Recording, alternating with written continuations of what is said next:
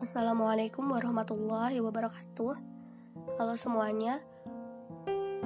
Ini aku Aisyah Udah lama banget ya Ini vakum. Lama banget. Dan baru ini balik lagi ya Di tahun 2022 Ini adalah podcast perdana tahun 2022 Ya di sini aku mau cerita aja. Kalau kemarin Ya mungkin sebagian besar udah pada tahu ya Aku mengalami kejadian luar biasa musibah ya musibah buat aku dan keluargaku juga orang-orang terdekat aku. Ya, singkat cerita uh, gini ini buat pelajaran aja ya buat kita semua. Buat kita zikrul maut juga. Buat kita kembali mengingat pada Allah. Jadi singkat cerita uh, di penghujung tahun 2021 kemarin tuh kita pulang kampung naik mobil ke Padang Pariaman nyebrang dari Merak ke Bakauheni. Perjalanannya tiga hari dua malam ya, jadi itu lumayan banget. Capek banget yang pasti kan karena naik mobil. Kita bawa mobil tuh biar bisa berhenti di mana-mana gitu. Dan kalau udah bawa mobil kan enak bisa pergi ke mana-mana kan. Sesuka kita udah ada kendaraannya gitu. Jadi itu alasan kita bawa mobil. Nah, terus pas kita nyampe sana tuh hari keduanya ya. Ini baru hari kedua. Itu kita ada rencana buat ke Bukit Tinggi. Tapi paginya kita main ke sungai. Nah kodarullah nih kodarullah udah terjadi insiden itu. Dan insiden itu tuh cepet banget ya. Insiden itu tuh cepet banget terjadi. Ya namanya kayak Rizky kelahiran jodoh kematian kita nggak akan tahu kan kapan terjadinya. Di luar nalar kita tak terduga kan. Dan ya pokoknya itu kan aku renang sama saudara-saudaraku sama pamanku. Dan aku nggak lama setelah itu kita semua hanyut hanyut karena mungkin uh, kita kaget juga ya. Tiba-tiba ada tanah yang jeglong ke dalam habis itu bener-bener dalam akhirnya kita hanyut hanyut. Dan itu tuh mungkin karena kontur sungainya bawahnya itu berubah ya kontur tanahnya karena gempa. Sebelumnya gempa yang menimpa Padang. Jadi kita hanyut dan bener-bener aku nggak nyangka banget ya aku bener-bener udah tinggi banget airnya di atas kepala. Aku udah pasrah banget udah ngerasa aku diambang kematian.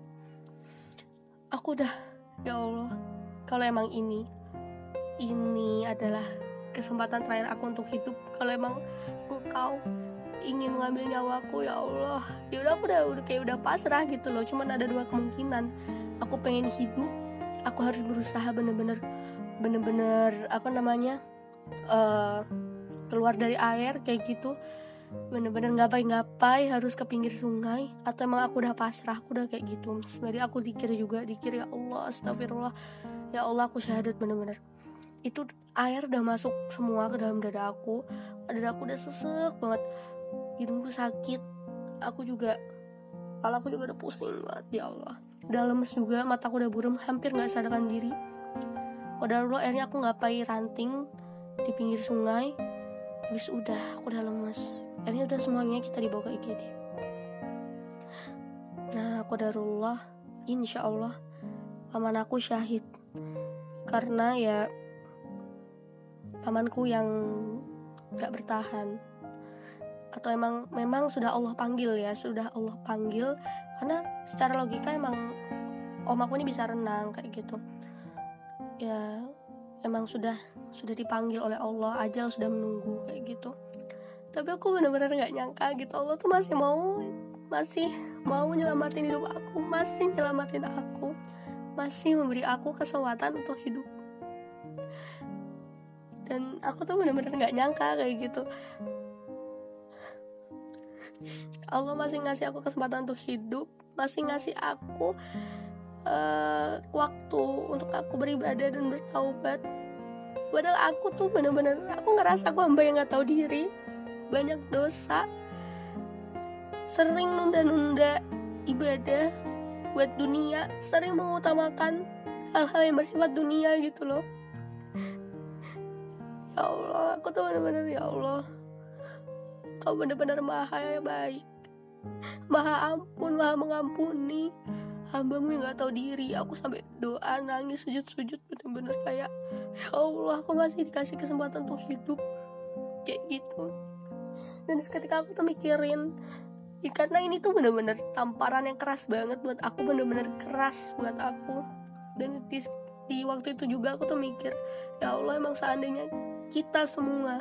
Udah meninggal ya udah udah terputus gitu loh.